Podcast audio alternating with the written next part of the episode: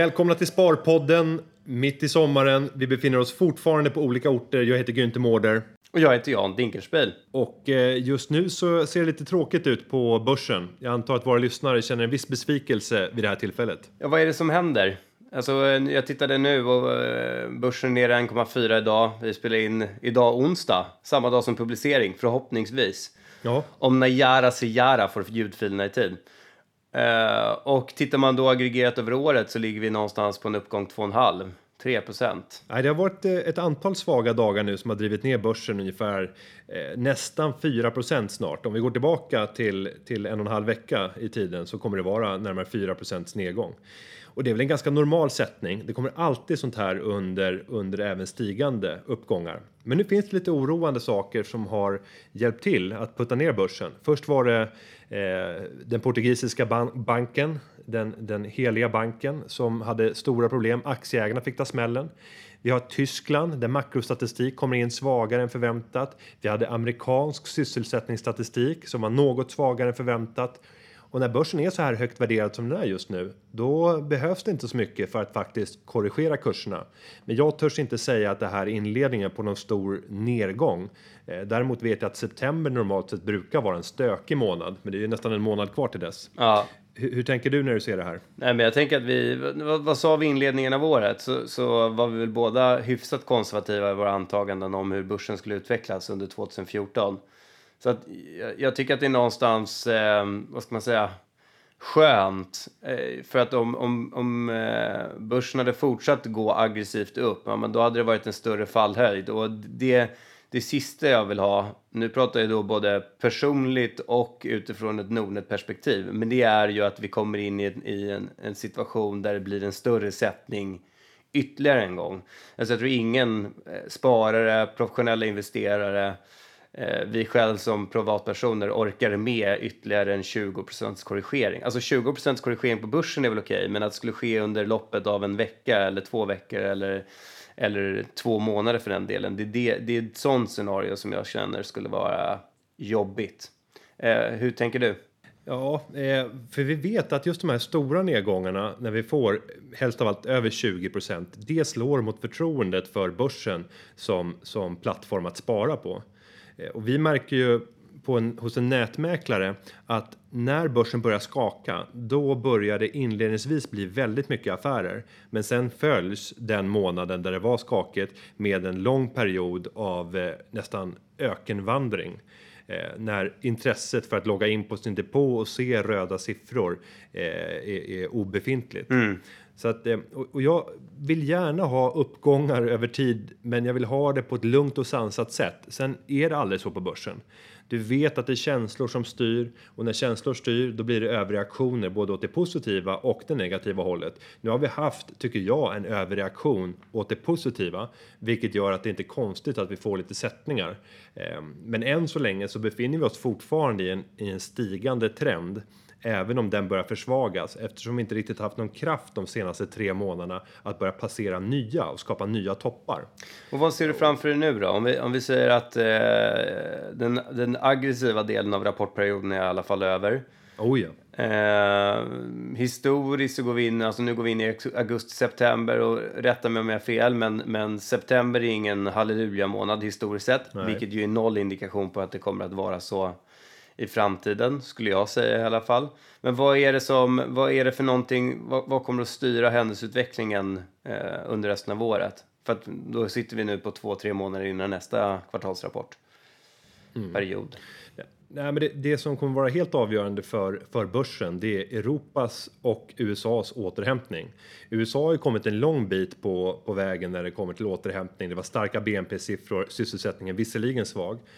Men i Europa så har vi inte haft samma tydliga tecken. Eh, visst har vi ett, ett, Tyskland som tuffar på, men vi kommer att behöva ett Sydeuropa med lugn och ro och där vi ser att, att vi har en, en tillväxt som börjar bli lite mer respektingivande för att det ska kunna elda på börsen ytterligare.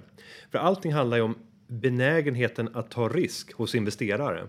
Eh, och den benägenheten styrs i grunden av vilken syn vi har på framtiden och när det kommer in makrodata som visar lite svagare tendenser, då har vi en tendens att måla i lite mörkare färger för framtiden och då vill vi inte ta lika mycket risk och göra oss av med lite aktier, vilket får kursen att sätta sig. Hur reagerar spararna om du tittar på dem eh, i månadsstatistiken? Hur ser, eh, hur ser eh, deras investerings filosofi ut? Ja, det som var häftigt eh, när jag tittade i juli, det var ju till att börja med nettoflödena. Eh, bland Nordnets kunder så var det 1,9 miljarder i nettoflöde, alltså när man tittar på insättningar och så tar man bort uttag. Mm. Och det är en otroligt stark siffra. Eh, och det överraskar eftersom det är mitt under semestern. Mm. Men jag tror att räntesänkningen som kom här i början av juli, den påverkade positivt. Folk insåg att nu får det bättre eh, ställt till hösten när de tre månaders räntor som de flesta sitter på börjar korrigeras till de lägre nivåerna. Det skapar mer utrymme i plånboken och därmed kanske man lägger undan då mer i sparande. Så nu pratar du egentligen Nordnets nettosparande. Det är ju en, det är en siffra vi tittar väldigt nära på för att se i vilken utsträckning vi växer som bolag. Ja, det är viktigt för kunderna också. Och då är ju, alltså på en månad så stoppade Nordnets kunder in eh, netto 1,9 miljarder på Nordnet Bank i de fyra nordiska länderna. Och det, det är en jättestark siffra. Tror att de eh, Tror att vår lansering av de fyra gratis indexfonderna har påverkat? Ja, det är klart att det har drivit på. Eh, men när jag tittar i, i handelsstatistiken så, så borde det inte kunna röra sig om mer än kanske 2, 3, 4 max 100 miljoner i påverkan. Och det var, vore ju konstigt om det var bara massa nya kunder som kom utan det mesta borde ju komma från befintliga kunder. Så att man kan ju redan nu se på den förvaltade volymen på de fyra superfonderna och se att nej, det kan inte fullt ut försvara 1,9 miljarder i, i nettoflöde. Sen om vi tittar på vad man köper och säljer under juli framförallt, då är det det klassiska mönstret. Man eh, säljer rapportvinnare och rapportvinnaren och, den, den kungen senaste rapportperioden, det var Hans Westberg med sitt Ericsson som steg kraftigt och där säljer spararna. Eh, samma sak i Telia Sonera som har gått starkt. Och på motsvarande sätt så köper man förlorarna. Det är Olof och Olof på Volvo respektive Sandvik som får se flest aktieägare tillkomma till bolagen. Eh, och tyvärr så brukar inte den här strategin vara, vara den bästa på grund av att man köper aktier som befinner sig då i en, i en svag trend eller till och med kanske en sjunkande trend och eh, man, man säljer aktier som befinner sig i en stigande trend. Hur var det med Niro då? Var det också en sån där eh, nettoköpt aktie? Absolut, man har köpt stora mängder och gärna då precis efter rapporten. Så många fortsatte och gjorde stora förluster för de, de två veckorna som följde därefter. Mm. Sen hände det något märkligt i Northland också, gjorde det inte det? Uh, är du uppdaterad på den soppan? Ja, det är en, en pågående rekonstruktion nu för, för andra gången minst. Som är pågående just nu. Eh, och jag har inte följt spararnas agerande för att det har inte varit vare sig sådana volymer eller sådana antal kunder så att de dyker upp på topp 30 listan och det är framförallt den jag följer eh, slaviskt när jag ser sparbeteendet. Ja, men det är för väl. Och om du tittar, jag vet inte om du har gjort det, men nettoköpt, nettosålt. Alltså går pengar in i fonder eller ut ur fonder? Går pengar in i aktier, ut ur aktier? Och vad... För det där, är ju, det där är ju rätt intressant. Alltså att, eh, och det har vi väl båda noterat. Jag gjorde ju månadsstatistiken för Nordnets kunder innan du tillträdde i din post. Och då var, alltså på fondsidan så köper man i regel vinnarfonder. För då har man då kurslistor och så tittar spararna och tänker så här, okej, okay, vilka fonder är det som har varit framgångsrika det senaste kvartalet?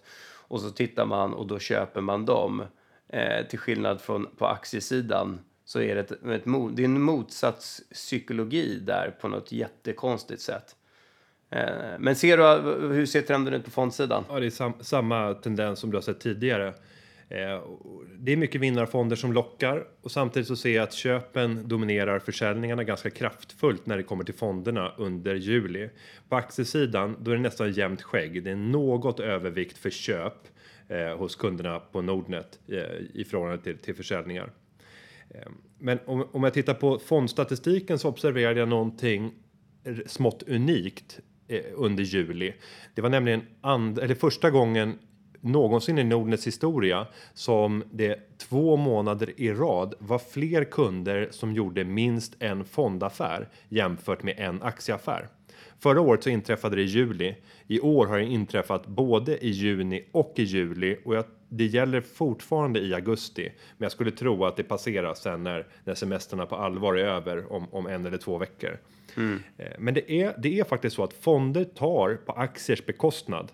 Eh, allt fler sparare väljer bort enskilt aktiesparande för att istället investera direkt i, i fonder. Och jag tror det, det delvis beror på att avgifterna har pressats. Sen har utbudet ökat. Eh, informationen har blivit bättre och möjligheten att utvärdera fonder.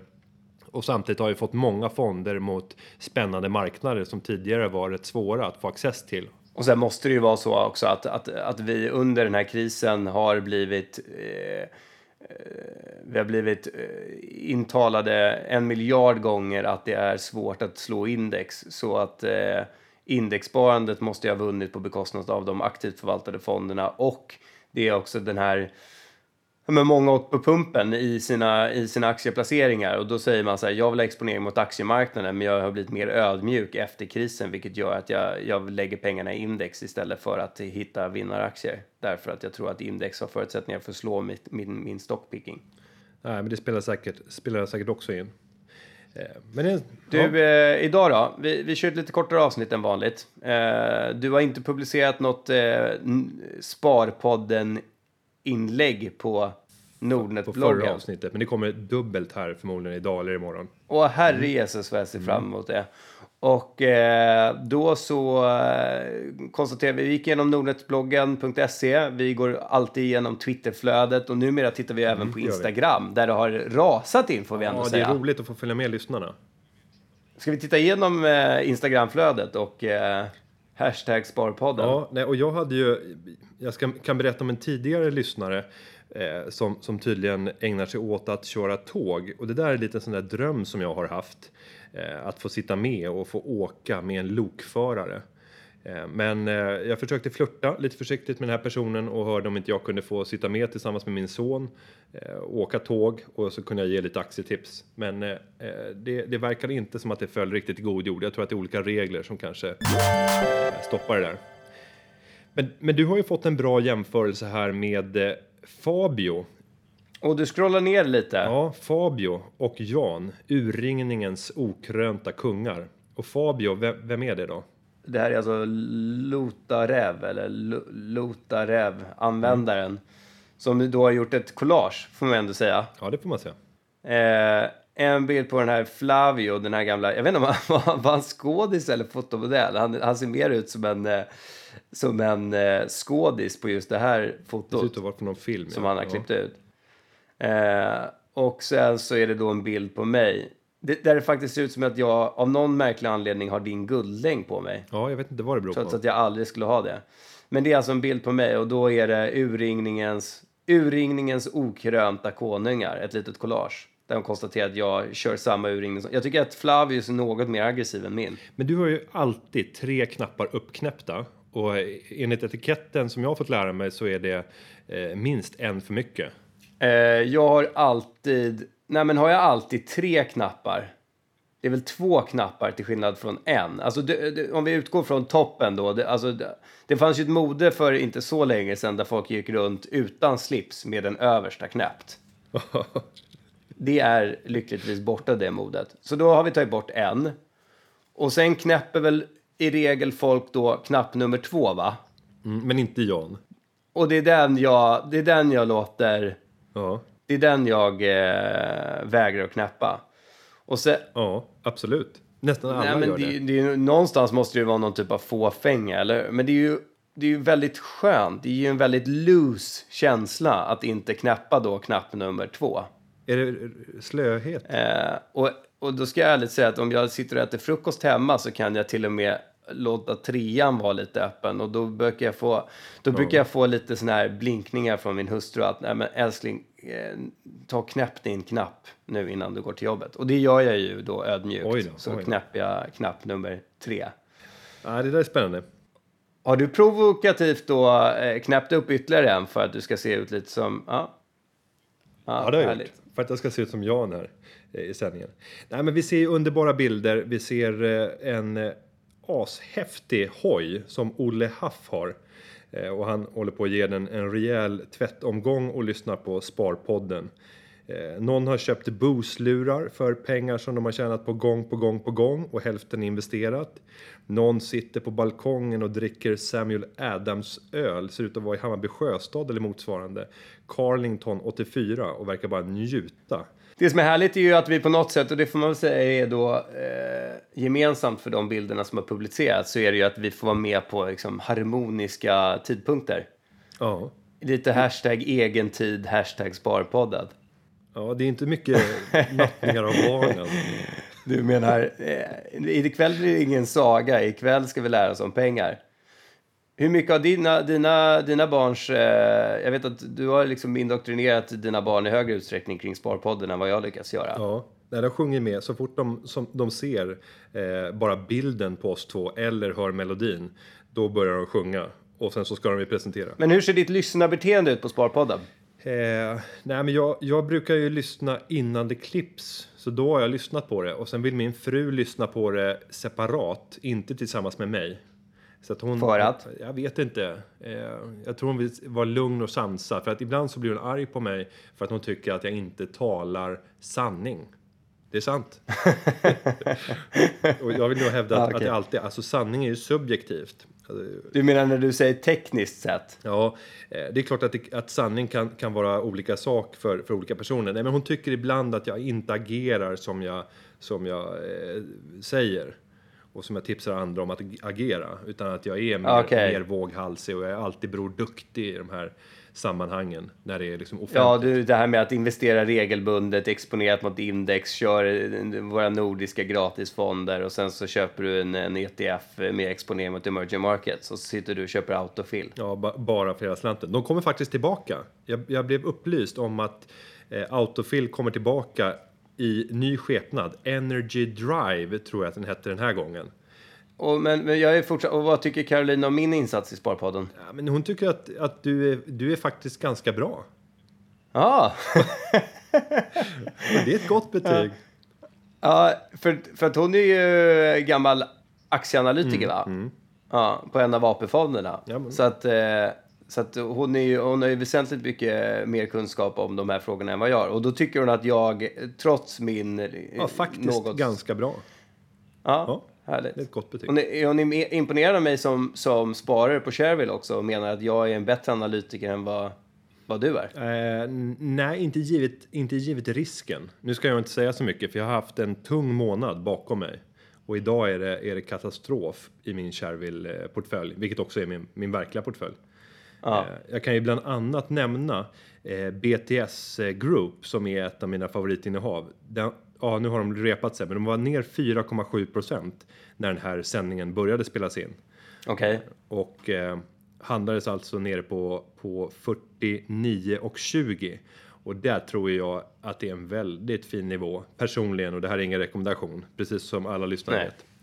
Eh, Men, men just nu Var du inne och bottenfiskade då? Eh, Ja, jag har faktiskt gjort det. Jag hade en automatisk order på 50 kronor som gick igenom. Så att jag har Ja. byggt upp det. Så att nu börjar det bli mitt största innehav i portföljen. Okej.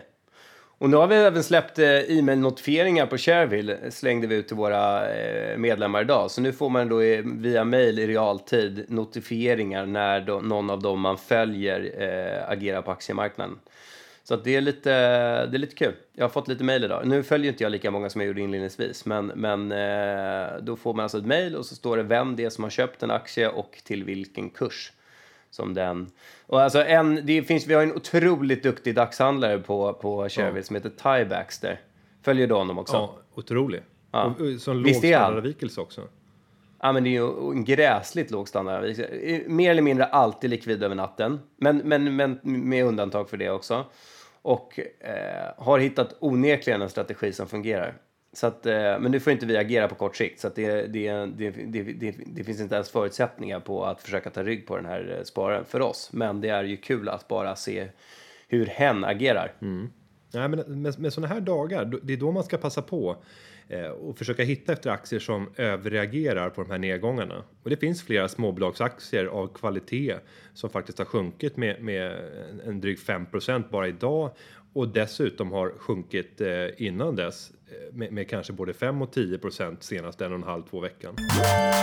Och om vi hoppar över till några sparfrågor då. Vad har du eh, seglat in på din eh, agenda? Ja, jag har ju hittat en Twitterfråga här från Mattias Thalén som heter, heter på Twitter Primalion. Primalion på Twitter. Prima Lejon kanske? Prima Lion. Nej, men det är ett A där också. Prima Lejon. Ja. Du ser inte så begåvad, ut- begåvad ut på Google Hangout när du, när jag du det. på din dataskärm och säger Prima Lejon. Ja. Eh, ska du läsa frågan? Eh, ja, det ska jag väl kunna göra. Eh, från någonstans på min Ja, dator. vad innebär det när man säger Ja. att börsen rör sig sidledes? Mina Google skills sviker mig. Exakt. Eh, ska jag ta den eller? Ja, ska du rätta mig? Ja. Eh, det är ju... Eh, det är ju så här självklart för oss då som har följt aktiemarknaden vad det är för någonting. Men man förstår att om man inte är, har 20 års erfarenhet från det här så kan man ifrågasätta vad är sidledes. Men det är mer eller mindre precis som det låter. Det är varken upp eller ner. Utan när eh, kursutvecklingen över tid står och hackar på samma nivå. Eh, lite plus minus. Så ner någon dag, upp någon annan dag och ner någon dag, upp någon annan dag. Men att indexutvecklingen är mer eller mindre noll. Och att det bara rör sig så över en tid. Eh, har jag rätt? Ja, det tycker jag. Eh, och jag brukar definiera det som, som att eh, vi inte har stigande toppar eller fallande bottnar. Eh, Och om jag går tillbaka och tittar på kurshistoriken nu i, i närtid så ser jag att sedan månadsskiftet maj-juni så har börsen gått sidledes. Vi har haft vid eh, tre på varandra följande tillfällen så har index gått upp och studsat vid ungefär 1409 eh, OMXS30 Eh, men inte lyckats bryta igenom så vi har inte fått några högre toppar och då hade vi haft en stigande trend. Eh, å andra sidan så har bottnarna heller inte varit lägre så att vi har ingen fallande trend. Nu blir visserligen den, den botten vi får nu kan vara inledningen på en ny fallande trend. Men under den här perioden, alltså från månadsskiftet maj-juni fram till, till eh, idag då den, den 6 augusti så har börsen rört sig sidledes. Men eh, topp är enkelt för mig att förstå. För att en, ny topp, då menar du att index går över det historiska toppnivån, eller? Ja, den, den tidigare toppen. Ja. Det behöver inte vara någon, någon ny rekordnivå. Men när du pratar utan- botten då, vad menar du? För, vilken botten sätter du då? Att, att, eh, att den nya botten är lägre än den föregående. Och det kan ju vara en månad tidigare eller två månader tidigare. När bottnarna hela tiden blir djupare för varje ny botten som kommer. För att börsen går Jo, det beror ju på vilket tidsperspektiv du sätter det, eller Ja, hur? absolut. Och, och det, Ja. men, men eh, man kan ju både titta på eh, intradag, alltså på dagsmässig basis och titta på, på sidledes rörelser, positiv negativ trend. Sen kan det vara på, på vecka, det kan vara på månad, år, till och med tiotals år. Eh, så att det beror helt på, det finns lika många tekniska analytiker som det finns, som det finns olika analysmodeller.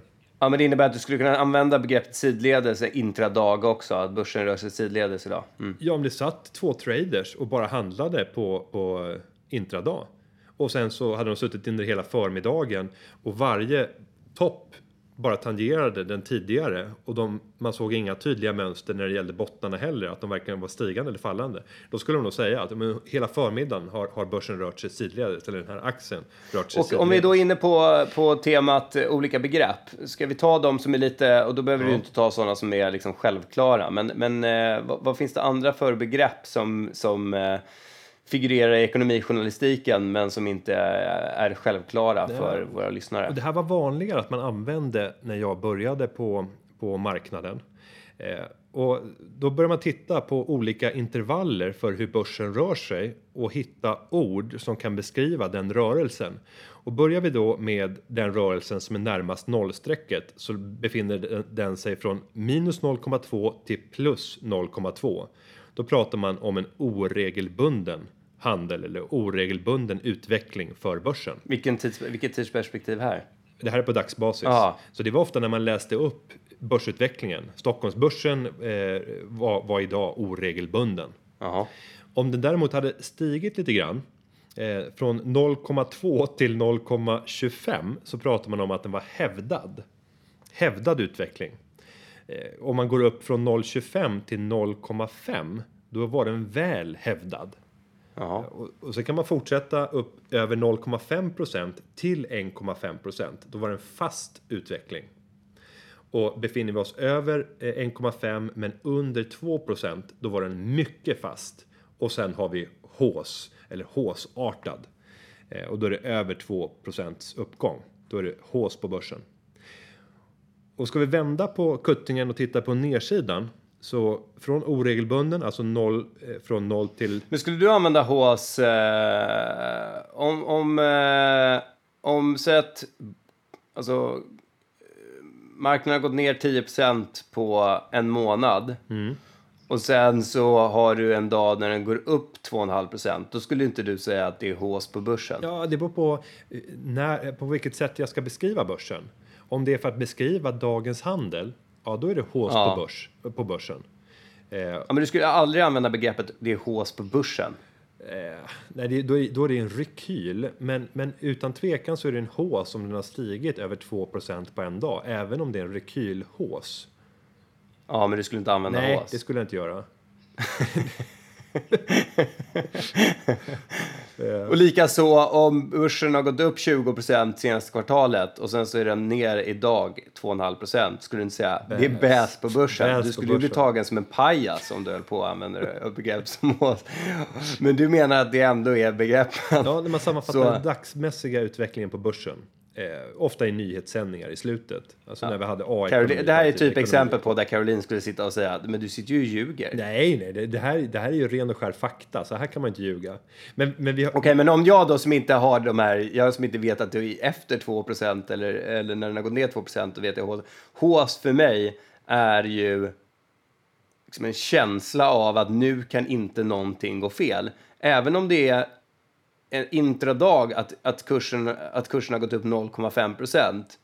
Eh, men har den då gått 25 procent senaste månaden, då skulle jag säga hås på börsen. Men då menar du att det skulle vara fel Mm. Ja, för att en intradag har rört sig... Mycket fast utveckling. Eller om det bara gick upp 0,5. Det har stigit som det var i december 1999. Det var en helt vansinnig månad. Eh, kurserna bara rusade och så en dag så kanske börsen gick upp 0,4 procent. Då, då, gick den, då var den väl hävdad. Skulle man kunna säga. Väl hävdad börs. Okej, mera. Ja, men vi får gå åt andra hållet då och gå neråt. Och från minus 0,2, alltså minus 0,2 till minus 0,25, då är den lätt vikande. Från 0,25 till minus 0,5 eh, så är den vikande. Och har vi minus 0,5 till minus 1,5 då är det en svag utveckling. Och sen blir den mycket svag från minus 1,5 till 2.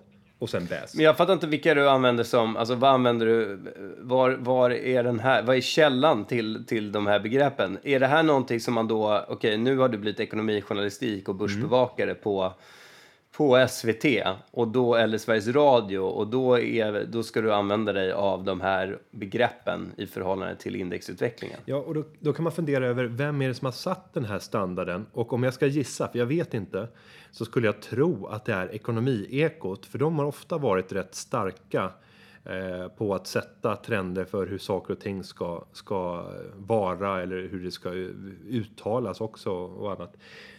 Och den som grundade det var ju Henrik Borgström. Så jag undrar om kanske inte Henrik Borgström hade någonting med det i att, spridningen i vart fall. Men, men sen kan det här nog mycket väl vara också något, något eh, historiskt. Att du även, Vem är Henrik Borgström? Han var legendarisk, eller är legendarisk får man väl säga, reporter som startade Ekonomiekot på, på Sveriges Radio. Idag så jobbar han som börskrönikör i tidningar i södra Sverige och brukar vara runt och moderera lite grann. Okej. Har gjort lite dokumentärer och skrivit någon bok och sådär. Ja, vidare.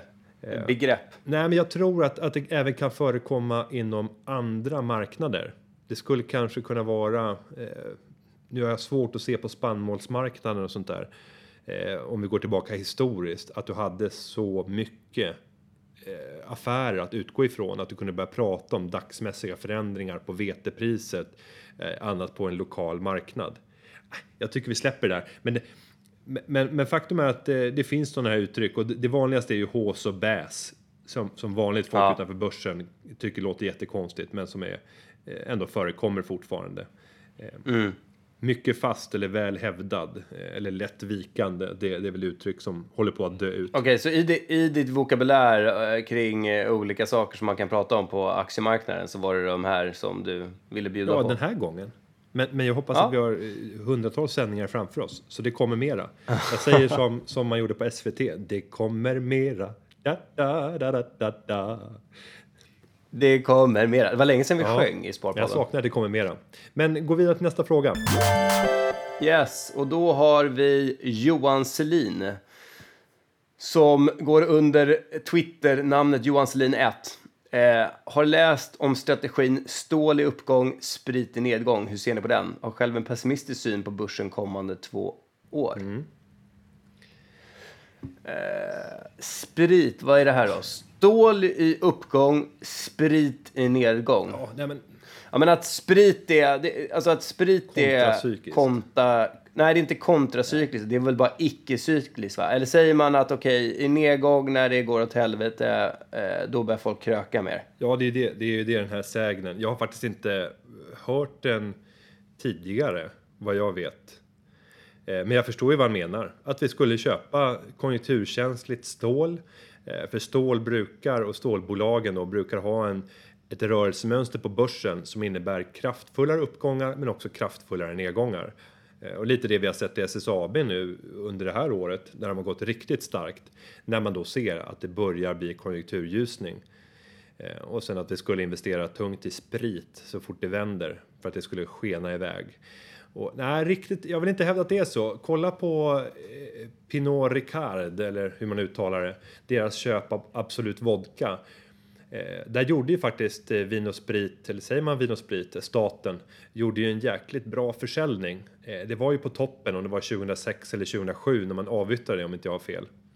Eh, och det berodde ju på att riskaptiten var väldigt hög under den perioden. Och riskaptiten kommer driva upp priset även på spritbolag.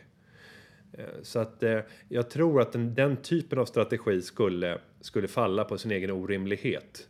Däremot så kanske de är lugnare. Du, du kommer kanske överprestera med en sån strategi eh, om man hade lyckats hitta index för spritbolag och index för stålbolag på grund av att du kommer klara nedgångarna något bättre på grund av att du har en aktie med lägre beta när det går ner och du har en aktie med högre beta när börsen går upp. Tror du på det? Uh, ja, det kan jag väl tänka mig att tro på. Men jag blev så, jag, så fascinerad, så jag måste puffa en, en hemsida här. Uh, som heter, vi kanske har pratat om den tidigare, men den heter alltså, domänadressen är web.archive. Ja, den är bra. .org. Man kan bara googla uh, web archive också. Så kommer den upp. Eh, Okej, okay, Web Archive. Och så går jag in och tittar på... Eh, och där, vad man kan göra där är ju att se... Historiska sajter. Historiska sajter, ja. Vilket ju är otroligt kul. Och då kan man alltså gå in och titta på hur DI då, som ett exempel, vad de skrev. Det var väl 2008 va, som det kraschade som mest? Eller när kom den absolut värsta dippen? Var det 16 september 2008? det ringer någon klocka att det var September Lehman, 2008. Okej, okay, här har väldigt mycket september. Jag, jag, klickar in 24 september här, 2008 på d.se. Uh, ja, men det, är en rolig, det är en rolig sajt och, och det, där finns ju de flesta sidorna. Eh, och då ser jag här, här är då printupplagan, för då är, eh, då är det, det här datumet som jag klickar på, så är det en liten bild på någon gubbe, Leif Johansson, och så är, är liksom, citatet är det värsta vi upplevt. Det värsta vi upplevt. Um, men vad, min, min poäng är att köp i kris och sälj i hås. Typ. Sälj nu och köp nästa gång mm. vi går in i en tokkris. Men sen, sen, finns det ju andra uttryck. Där köp till sillen och sälj till kräftorna. Ja. Och då är det alltså köp i... Okay, midsommar. Eh, köp midsommar. Sälj nu i... Sälj ja, nu. Nästa vecka, alltså mitten av augusti. Eh, när vi har kräfter. Kräftpremiär. Jag vet inte exakt när den är nu för tiden. Men, men eh, en sån strategi. Ja, alltså jag har tittat tillbaka historiskt och det finns väl en viss överprestation under sommaren. Eh, men, men den är knappt märkbar och det beror helt på vilka tidsintervall man väljer. Sen har du det här Sell in May and Go Away. Hur länge Ja. då? För annars är det ju liksom Forever. inte ens... Varje år. Köp bara i maj. Nej, men det finns faktiskt en överprestation om man tittar på om man hade sålt alla sina aktier i maj och sen återvänt ett halvår senare. Då finns det faktiskt en kraftig överprestation. Eh, Ja, men då måste du ha buy in May and sell in... Ja, nej, men att komma tillbaka i oktober, november. Alltså, varför jag skrattar är för att Günther Mårder på Google Hangout sitter med och räknar månaderna med sina fingrar. Och tittar upp i taket. Tänker, vad blir maj plus sex månader? Men sen, sen så har du så mycket ADHD i dig så att du orkade inte räkna klart utan du stannade i augusti. Ja, förlåt ja, nej, nej, men den, den strategin funkar faktiskt. Eh, och, och den kan man titta på ganska långa serier. Och så ser att den har överpresterat. Ja. Så det räcker. Och med det sagt, sparekonomen, vad har du för rekommendation till Att spararna? alltid sälja i maj och åka iväg.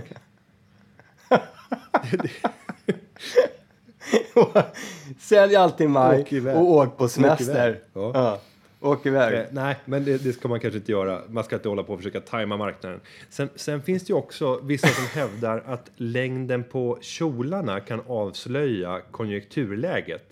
Och när man säger att ju sämre konjunktur, desto kortare kjolar. Och det här finns det då kopplat Ju till 30 sämre konjunktur, desto kortare kjolar. Jag vill inte ens gå in på... Jag vill inte, för du riskerar att bli plump, så jag kommer skydda dig från Ja, eventuella... men det här går tillbaka till 30-talet. dumheter. Om du tittar på modet. Eh, för när, när vi gick Ja. in i 30-talsdepressionen, då fick vi plötsligt ett mode där kjolarna tilläts bli kortare och kortare. Eh, och då var det ju väldigt kontroversiellt eftersom man inte hade visat knän tidigare. Och där plötsligt så blev Ja. det annorlunda. Eh, och sen så svängde modet över. Varför sitter jag och pratar om det? Jag har ingen aning. Men jag antar att det, antar att det svängde över. Och sen att det liksom i slutet på 30-talet eh, eh, blev lite längre. Jag vet inte, men, men man pratar i alla fall om det. Ja, det verkar också vara en framgångsrik strategi. Eh, du, innan vi... För vi har ju sagt att det ska bli ett Mm. kortare avsnitt och vi har tänkt att hålla oss till det. Så att, har vi någonting till med löfte om att kanske köra ett lite längre avsnitt och något mer eh, substantiellt nästa Ja. gång? Även om det här har varit väldigt matnyttigt, upplever jag Ja, jag själv. längtar ju till nästa vecka för då kommer vi sitta tillsammans igen. För första Äntligen. gången på sex veckor, eller vad blir det? Det är fem veckor vi har spelat in på avstånd. Ja. Jag fick precis en notifiering om att staten har börjat följa min portfölj på Share. Det är bra. Får vi Ja. se om de säljer ytterligare SAS kanske. Nej, men vi kanske ska runda av där och eh, säga stort tack för, för att ni lyssnade. Fortsätt skicka in frågor på Twitter, hashtag Sparpodden. Använd nordnetbloggen.se och bjud oss på bilder när ni avnjuter Sparpodden eh, på Sparpodden, hashtag Sparpodden eh, på Instagram. Någonting mer? Exakt. Nej, jag tror inte det. Utan ha en skön vecka eh, så ses vi på måndag. Ja, vi ses på onsdag. Ja, du och jag ses på, på måndag. Och då ska vi bara avsluta med ett credit till vår kära Ja, klippare. vi hoppas att det kommer vara Nayara Seara som hjälper oss med klippningen. Ha det bra och njut av den sista sommarvärmen för snart blir det kallt och mörkt igen. Ha det gott, hej då!